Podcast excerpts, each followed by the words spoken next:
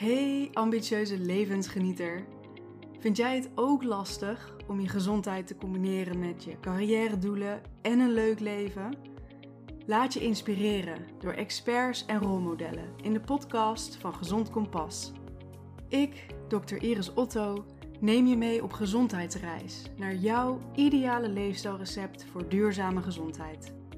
Leef je beste leven terwijl je kerngezond blijft. Dat wil jij toch ook?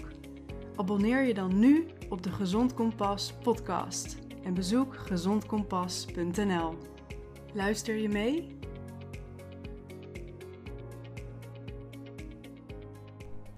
Nou, beeld je eens in. Je wordt uitgerust wakker met de zon op je gezicht. In alle rust drink je een kopje koffie met je partner, genietend van een kruiswoordpuzzel. En je spendeert de ochtend schilderend op je favoriete plek op het strand. En voor je lunch pluk je verse tomaten en kruiden uit je eigen groentetuin. En dan komen je kinderen en kleinkinderen langs om er samen van te smullen. En je haalt heel veel voldoening uit het vrijwilligerswerk dat je smiddags doet. En je voelt je verbonden met je familie en je buren als je in de avond uitgebreid tafelt onder het genot van een zelfgemaakte verse maaltijd en een glas rode wijn, hard lachend om de verhalen en grappen van je naasten. Nou, met een tevreden glimlach kruip je je bed weer in. Wat een mooie dag was dit en wat voel je goed. Nou, dit is het scenario van een 92-jarige vrouw die op een hele bijzondere plek op de wereld woont. En deze vrouw is gezond en vitaal. En ze vertrouwt erop dat ze nog vele jaren van het leven kan genieten. Net zoals haar buren en haar familie. En nee, ze woont niet in Amsterdam. ze woont op een van de vijf gebieden in de wereld die beroemd zijn geworden om de vele honderd-plussers. De Blue Zones. Nou, misschien heb je het al gehoord, maar ik loop heel Blue Zone-achtig in het bos. Samen met Rebecca. En Rebecca is geneeskundestudent en is bij Gezond Kompas gestart als, uh, ja, als blogger eigenlijk. Ja. Nou Rebecca, welkom. Ja, dankjewel. Stel jezelf eens voor. Ja, ik ben uh, Rebecca en uh, ik ben dus gestart als blogger bij Gezond Kompas. Ik ben zelf geneeskundestudent. Ik zit nu in mijn vierde jaar. En naast mijn opleiding ben ik eigenlijk met van alles en nog wat bezig. Sporten, lekker dansen, uh, heel veel lezen over leefstijl, over het gedrag van de mens. En eigenlijk door mijn eigen interesses wil ik anderen ook hierbij helpen. Om naar een gezonder leven te werken en dat samen ook te bereiken. Nou, super. Dat ja. past heel goed bij Gezond Kompas. Zeker. hey, jij hebt een hele leuke blog geschreven over de Blue Zones. En kan jij vertellen wat die Blue Zones nou zijn en waarom deze gebieden zo bijzonder zijn. Ja, zeker. De Blue Zones, dat zijn eigenlijk um, een paar plekken die zijn, die zijn ontdekt waar mensen 100 jaar of zelfs ouder worden. En 100 jaar op een hele gezonde manier. Dus daarbij moet je je voorstellen dat de mensen niet talloze medicatie gebruiken of dat ze niet met heel veel uh, ziekten zitten. En die plekken die kunnen we in Griekenland vinden. Eén daarvan. Dat is Icaria. Eentje in Italië, Sardinië. Okinawa in Japan. Nicoya in Costa Rica. En de laatste in Verenigde Staten, dat is Loma Linda. En dat is eigenlijk in 2004 ontdekt door um, Dan. De achternaam weet ik niet hoe je dat goed moet uitspreken. Dan Butner. Dan Butner, kijk, helemaal goed. En zij waren benieuwd waardoor het komt dat die mensen 100 jaar oud worden en gezond. En dat wilden ze, dat wilden ze graag ontdekken en ook aan de rest van de wereld vertellen. En zo zijn ze eigenlijk erachter gekomen dat er negen, ja, negen um, kenmerken zijn. Waardoor de mensen steeds zo 100 jaar oud worden. Nou, interessant. Nou, we zullen ook wat uitgebreider op die negen kenmerken ingaan. Maar wat nog wel mooi is om het verschil te benadrukken tussen deze gebieden. Want natuurlijk worden in Nederland ook af en toe wel eens mensen Zeker. 100 jaar oud. Maar daar is het meer een gegeven bijna dan eh, dat het een uitzondering is. Ja. En wat het belangrijke verschil is, is dat hè, ook, ook in Nederland en in de westerse wereld worden we wel. Hè, onze, onze, onze levensverwachting stijgt langzaam. Komt ook omdat we hè, technologie hebben en betere medische Mhm. zorg. Ze kunnen mensen ook langer in leven houden, maar zoals jij al aangeeft, is dat vaak met medicatie of Precies. operaties. En is dat ouder worden niet per se op een hele gezonde manier. Nee. Niet op een manier waarop mensen zich vitaal voelen en van het leven genieten. Nee, precies. En bovendien worden we ook steeds eerder ziek. Dus dat betekent dat je dus, je wordt ouder en je wordt eerder ziek. Zodat je meer jaren met ziekte door het leven gaat. Nou, dat willen we natuurlijk niet. Dat Nee. willen we gaan voorkomen. En daarom kunnen we dus inspiratie halen uit die blue zones, waar mensen op een hele natuurlijke manier oud worden. Gezond oud worden. Dat Nou. klopt. Dus jij gaf al aan, hè, er zijn een aantal eh, specifieke kenmerken die eh Dan Budner en zijn eh, collega's hebben, ja, ik weet niet of ontdekt het goede woord is, maar in ieder geval hebben geïdentificeerd. Ja. Kan je daar wat over vertellen? Ja, en eigenlijk denk ik dat we met het eerste kunnen beginnen. En dat is op een natuurlijke manier aan jouw beweging komen. Wat wij nu ook aan het doen zijn. Ja. Lekker lopen, wandelen. En wat we eigenlijk zien is dat de mensen in die plekken ja, wel in de stad wonen of in een dorpje, maar ze zijn omringd door de natuur. Waardoor het voor hun gewoon veel makkelijker is om aan de beweging te komen. Die mensen zou je niet in de sportschool zien, eh, zou je niet op een eh cross trainer zien, maar die zal je juist in hun eigen tuin zien. Eh, lekker klussen, Ehm, naar de werk gaan op hun fiets of lopend en niet zo snel de auto pakken. En dat is denk ik wel een heel groot verschil met hoe wij in het Westen leven. Wij zijn heel snel geneigd om de auto te pakken naar ons werk, eh, heel snel de bus, af en toe wel de sportschool in, maar eigenlijk komen wij niet zo makkelijk aan onze natuurlijke beweging. En dat is het verschil die wij eigenlijk met de Blue Zone zien. Ja. Ja, wij zitten eigenlijk heel veel. Heel veel. Heel veel van ons hebben een kantoorbaan. Er zijn natuurlijk wel mensen die hebben een fysieke baan, Ja. zoals mensen in de bouw of mensen die in de sportwereld werken. Maar ook heel veel mensen over het algemeen zitten gewoon acht uur Ja. per dag op kantoor, op je kont. En dan ga je naar huis met bijvoorbeeld de auto of Klopt. het OV, zit je nog meer. Dan ga je op de bank zitten. En dat is het. En dan kom je niet aan je beweging. Precies. Niet aan je natuurlijke beweging. En kijk, natuurlijk, je kan er niks aan doen dat je een kantoorbaan hebt. Maar het, wat juist heel fijn zou zijn en wat heel goed voor je is om toch wel die natuurlijke beweging in je leven te krijgen. En dat komt door bijvoorbeeld in je pauze, misschien met je collega's een stukje te gaan wandelen. Ehm, even koffie halen. Of in de ochtend bijvoorbeeld. Als je wat eerder opstaat, half uurtje bijvoorbeeld, kan je een stukje wandelen. Podcast luisteren, je kopje koffie erbij. En zo kom je toch wel aan je natuurlijke beweging. En ik denk dat dat wel heel, heel belangrijk is. Aangezien wij, zoals jij zei, we zijn een zittende maatschappij. En dat willen we heel graag veranderen. Ja, nou, dit is ook een van de onderwerpen waar ik bij Gezond Kompas eh, heel actief mee bezig Ja. ben. Dus voor de luisteraar, je kunt op gezondkompas.nl heel veel artikelen en een e-book en een andere tool vinden die je gaat helpen met meer beweging, meer natuurlijke beweging in je dag brengen.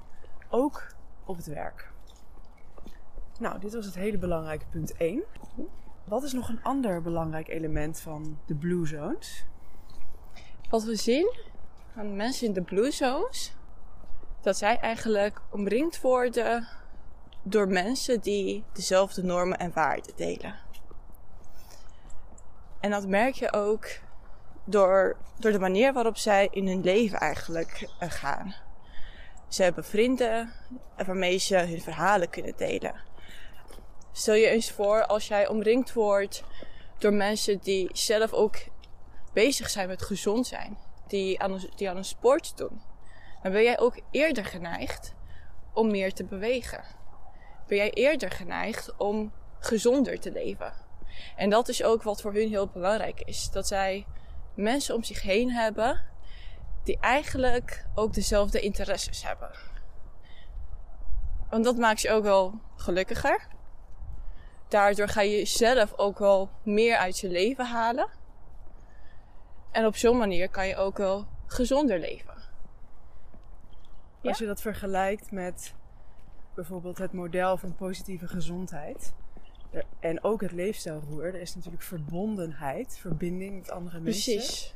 Is daar ook een hele belangrijke pijler in. Het is heel mooi dat je dat dus in die gebieden waar gezondheid eigenlijk vanzelfsprekend is, waar dat natuurlijk voorkomt, dat daar dus uit blijkt dat dat inderdaad zo'n belangrijke pijler is. Ja. Die bijdraagt aan een lang, gezond, gelukkig leven. Klopt. Dat is heel mooi wat je ook zegt, die verbondenheid. Want dat is voor hun heel belangrijk. We zien dat zij familie en vrienden eigenlijk op de eerste plaats zetten. Dat zijn mensen die s'avonds, als ze hebben gewerkt, die komen juist bij elkaar. Gaan ze lekker samen eten, verhalen vertellen, over hun dag praten. Dat is wat voor hun belangrijk is. Familie en vrienden. En de rest komt daarna.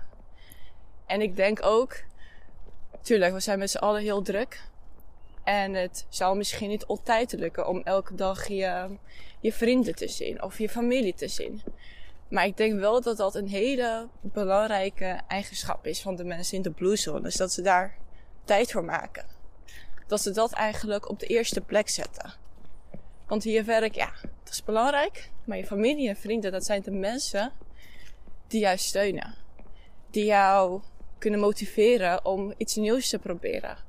Om, om gezond te blijven. Om uh, het beste uit je leven te halen. En dat vind ik eigenlijk zo mooi. Als je bijvoorbeeld in Italië om 9 uur naar buiten gaat, zou je ook gewoon op de terrassen heel veel families zien.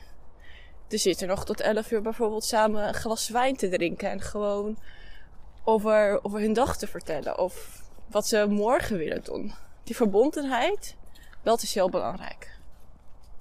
Ja, mooi hoe je dat omschrijft. En ik denk dat dat zeker iets is waar ik in ieder geval in mijn eigen leven wat meer aandacht Ja. aan mag besteden. Omdat Heel er inderdaad goed. veel tijd en energie en aandacht naar mijn werk gaat momenteel. Mhm.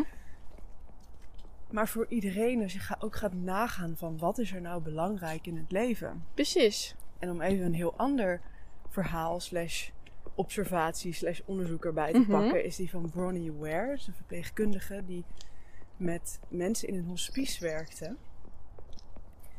En al die mensen die, ja, die luchten hun hart bij haar Ja. op hun sterfbed.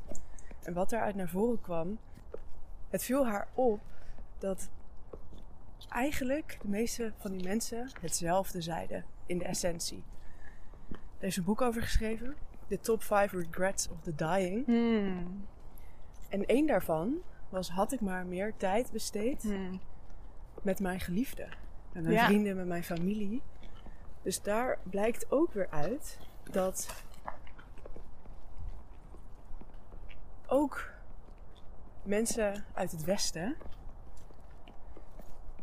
dus mensen niet in de Blue Zones, dat die dus aan het eind van hun leven dan terugkijken en denken: oh shit, had ik het maar anders gedaan. Ja. Dit is wat ik eigenlijk echt belangrijk vind. Mhm. Heel mooi om te, om te horen, want dat klopt ook wel. En ik denk ook dat iedereen eigenlijk dat wel wilt. En dat we soms, ja, dat we soms zo druk zijn dat we dat gewoon niet meer beseffen hoe belangrijk het is. En dat we eigenlijk dat veel meer in ons leven zouden willen hebben. Ja. Ja, dus ik denk dat dit een mooie uitnodiging is om eens. Het is, bij, het is bijna kerst, het is bijna nieuwjaar. Om eens stil te gaan staan bij. Wat zijn mijn waarden? Wat vind ik nou echt belangrijk in het leven? En hoe kan ik een kleine koerswijziging maken om die dingen die ik echt belangrijk vind, wat meer ruimte te geven in mijn agenda? Ja. En dus in mijn leven.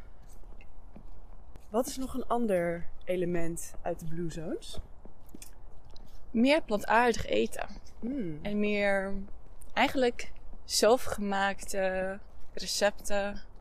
Ehm, we zien dat zij niet heel veel vlees eten.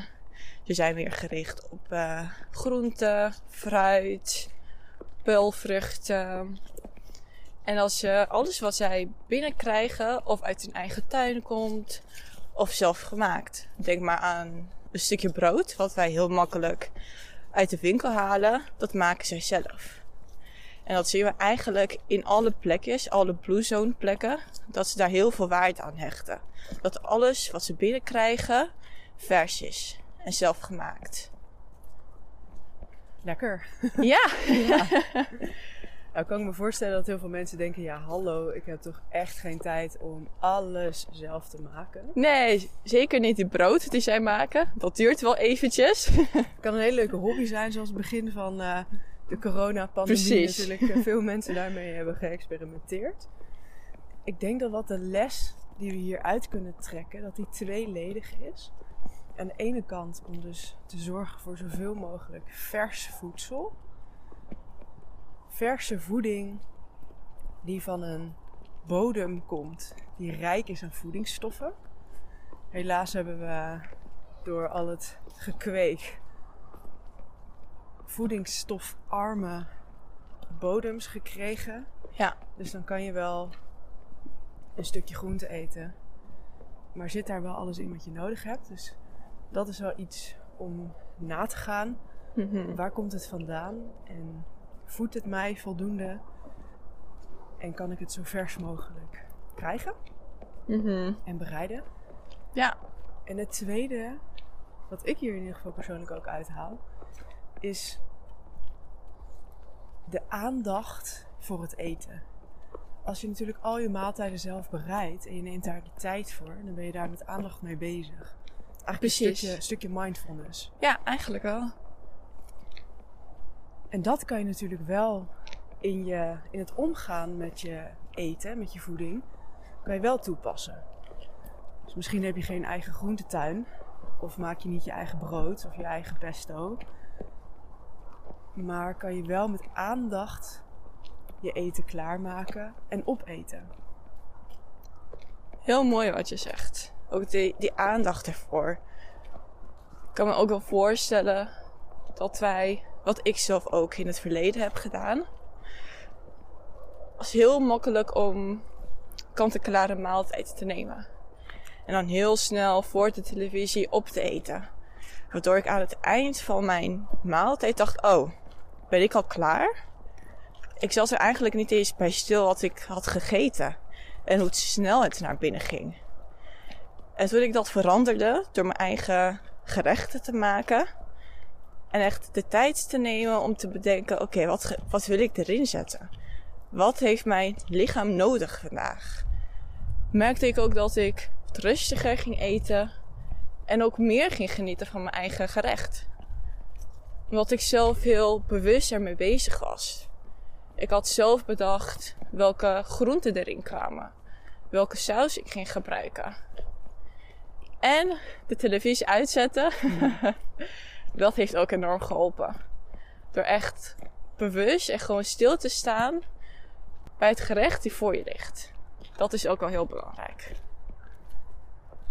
Ik weet dat als je bewuster eet, dat je dan ook meer doorhebt hoe je lichaam reageert op je voeding. En Zeker. ik denk dat dat een hele mooie, heel mooi bruggetje is naar het volgende punt. Ja, en dat is de 80% regel.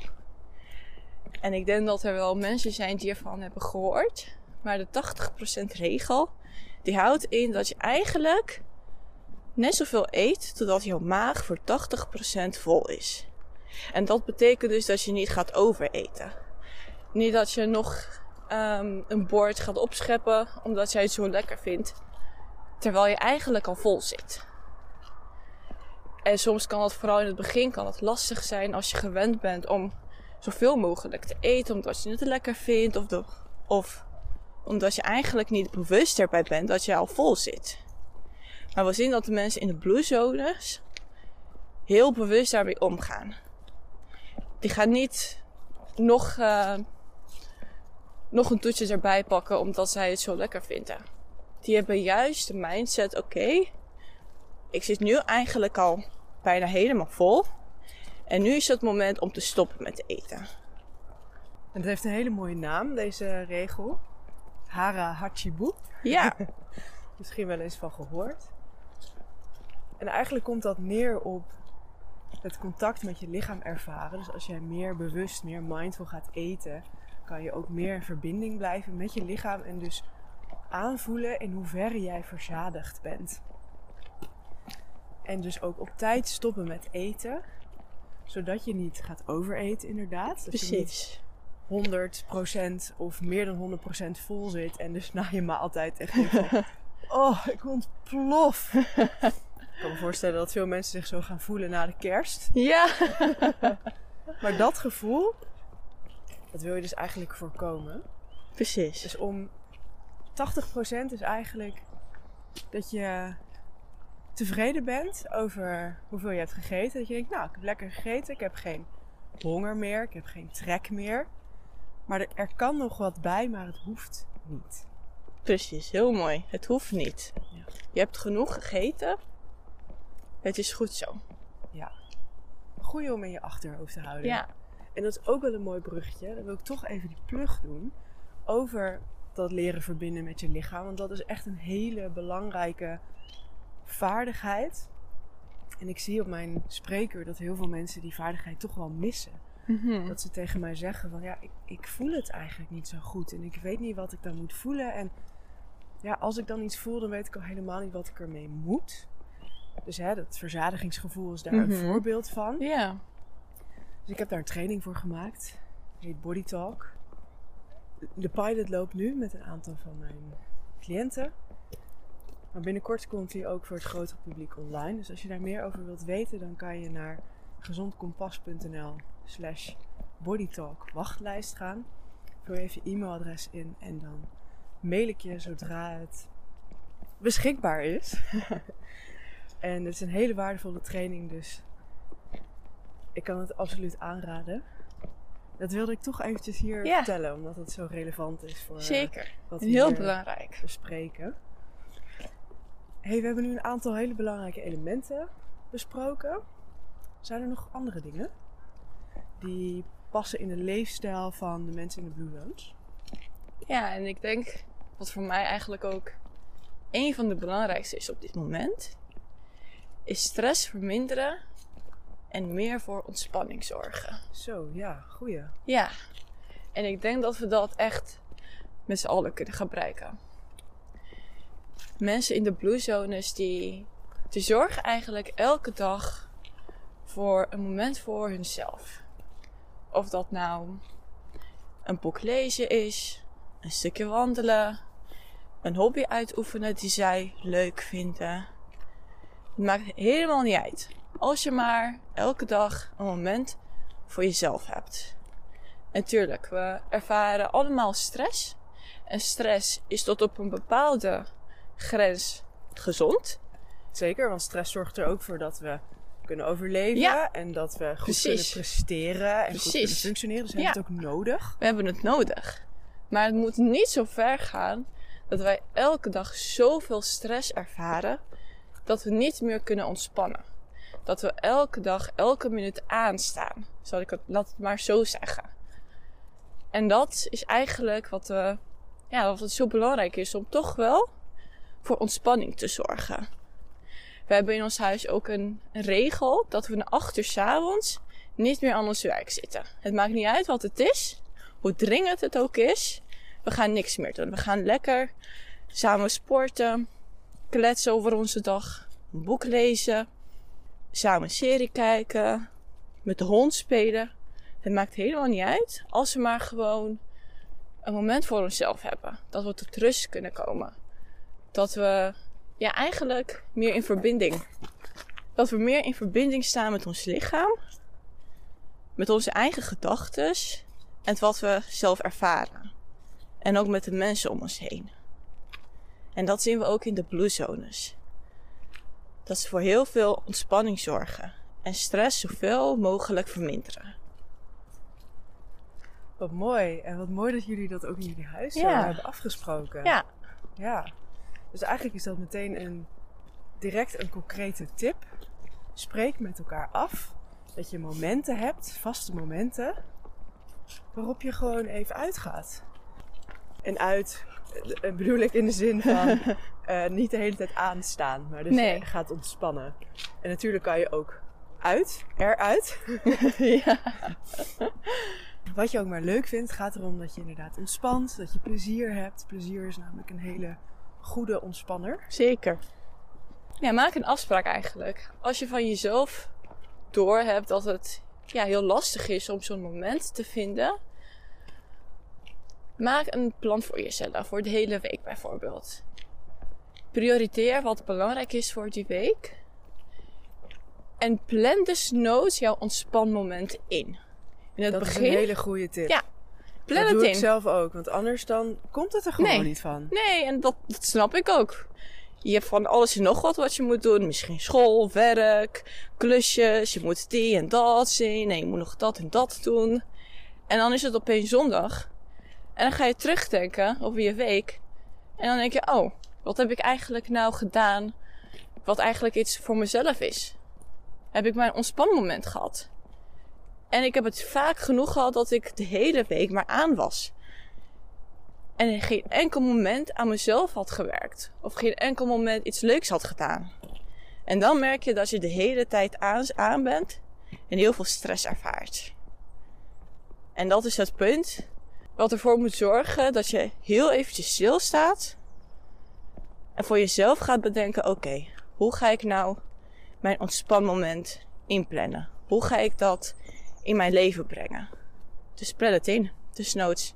En dan komt het uiteindelijk vanzelf. Ga je merken dat je het op een dag gewoon nodig hebt. Dat je gaat terugdenken van, oh ja, ik merk aan mijn lichaam dat ik zoveel aan ben, dat ik nu gewoon mijn boek wil lezen. En dan kan je er ook op gaan anticiperen hè, als je jezelf beter leert kennen. En dat is Precies. ook wat er gebeurt als je met mijn Ja. cursus Body Talk meedoet. Dan leer je jezelf beter kennen en dan weet je beter wat je nodig hebt. En dan hoeft het dus niet meer tot zover te komen dat je dus volledig kapot thuis komt en denkt: Oh, ja, nu ben ik eigenlijk al te laat. Nu heb ik een heel groot ontspanmoment, een vakantie nodig. Maar dat je dus al eerder, dus preventie, Ja, zeker. al eerder die ontspanmomenten gaat nemen, zodat je een hele goede balans hebt tussen inspanning en ontspanning. Ja, heel belangrijk. En wat denk ik ook wel een belangrijk is, is dat je ook kan kijken naar de mate van spanning in de activiteiten die je doet. Soms dan doe je iets en dan, als je dan eventjes terugkomt bij jezelf en realiseert van, oh, hoe zit ik hier eigenlijk? Hoe gespannen voel ik mij op dit moment? En is die spanning, draagt die bij aan de taak die ik nu aan het doen ben? Of is het eigenlijk te veel? Ja, Ik had vorige week een heel mooi gesprek met sportarts Casper Jansen. Het ging over Ja. herstel.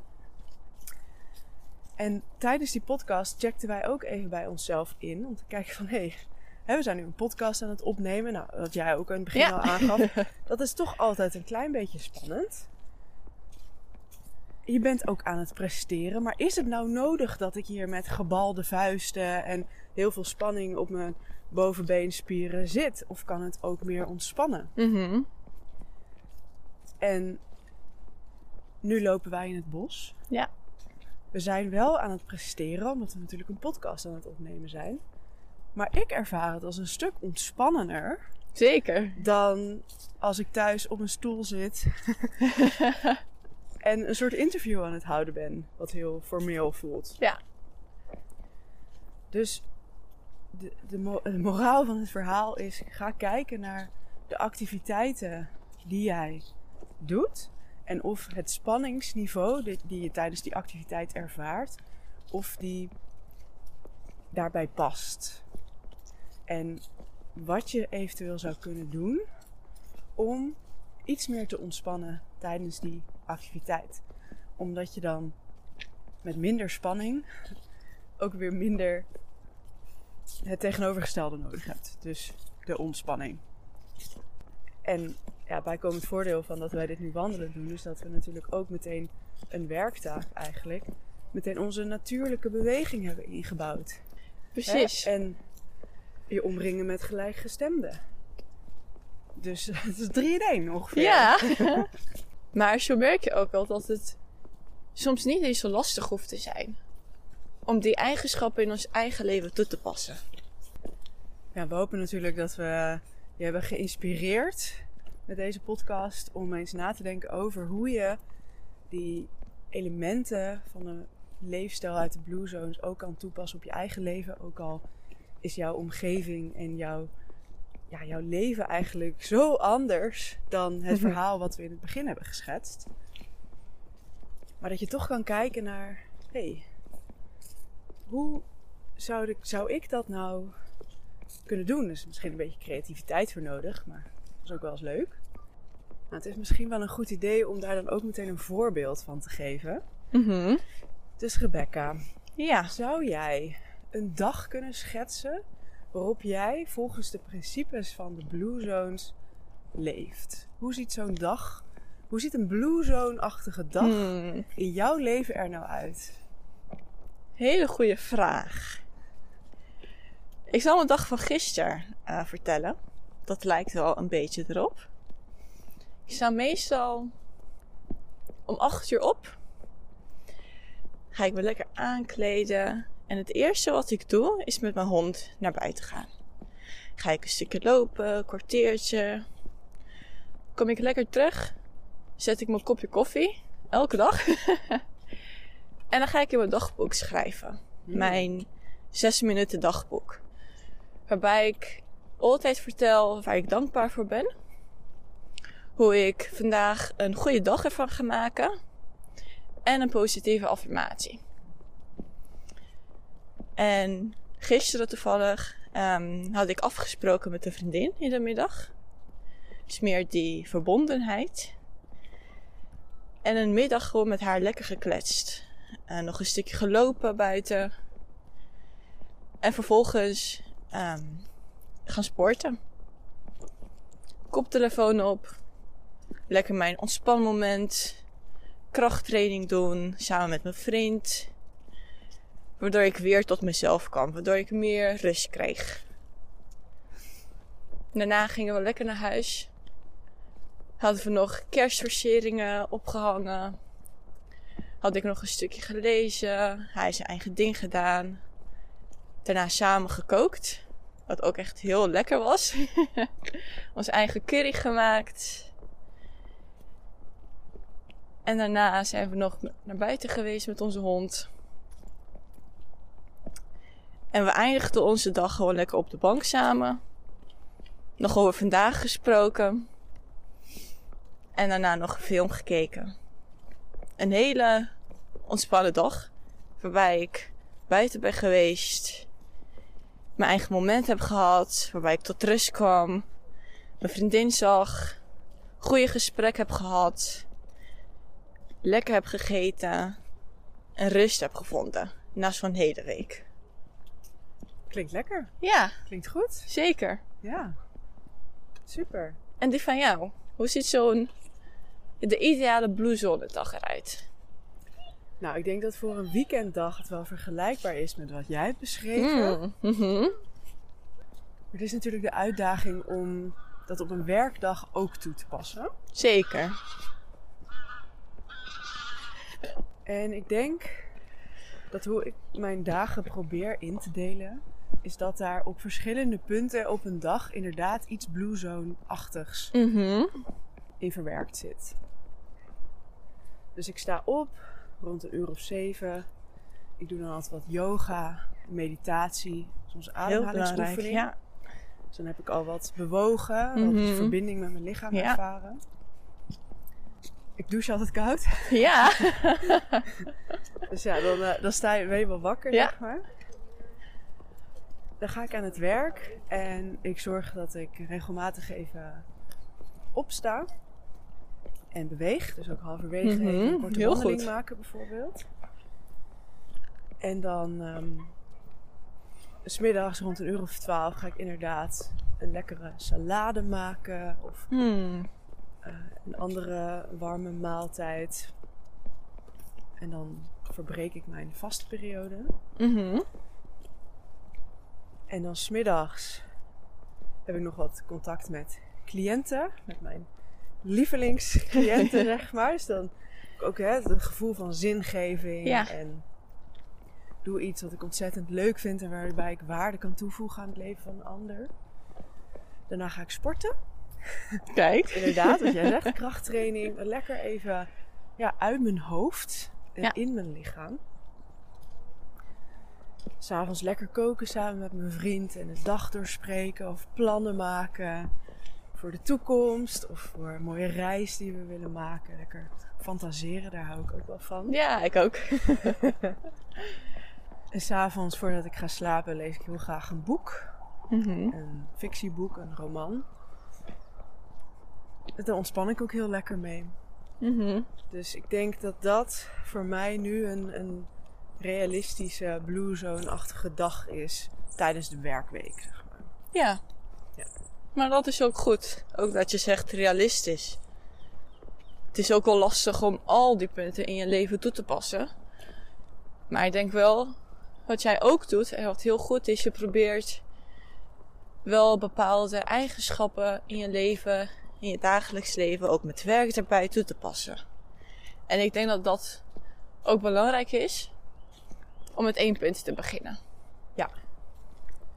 Ja, kies één ding waarvan je denkt dat dat nu het meeste impact gaat maken op je gezondheid en je geluk. Mhm. En kijk hoe je dat kan gaan integreren in je huidige leefstijl. Ja, En ga daar lekker mee experimenteren. zeker. Kijk wat werkt. Kijk, voor mij is het 's ochtends yoga doen om te bewegen. Voor jou is het 's ochtends eh, lekker met de hond naar buiten om te wandelen. Ja.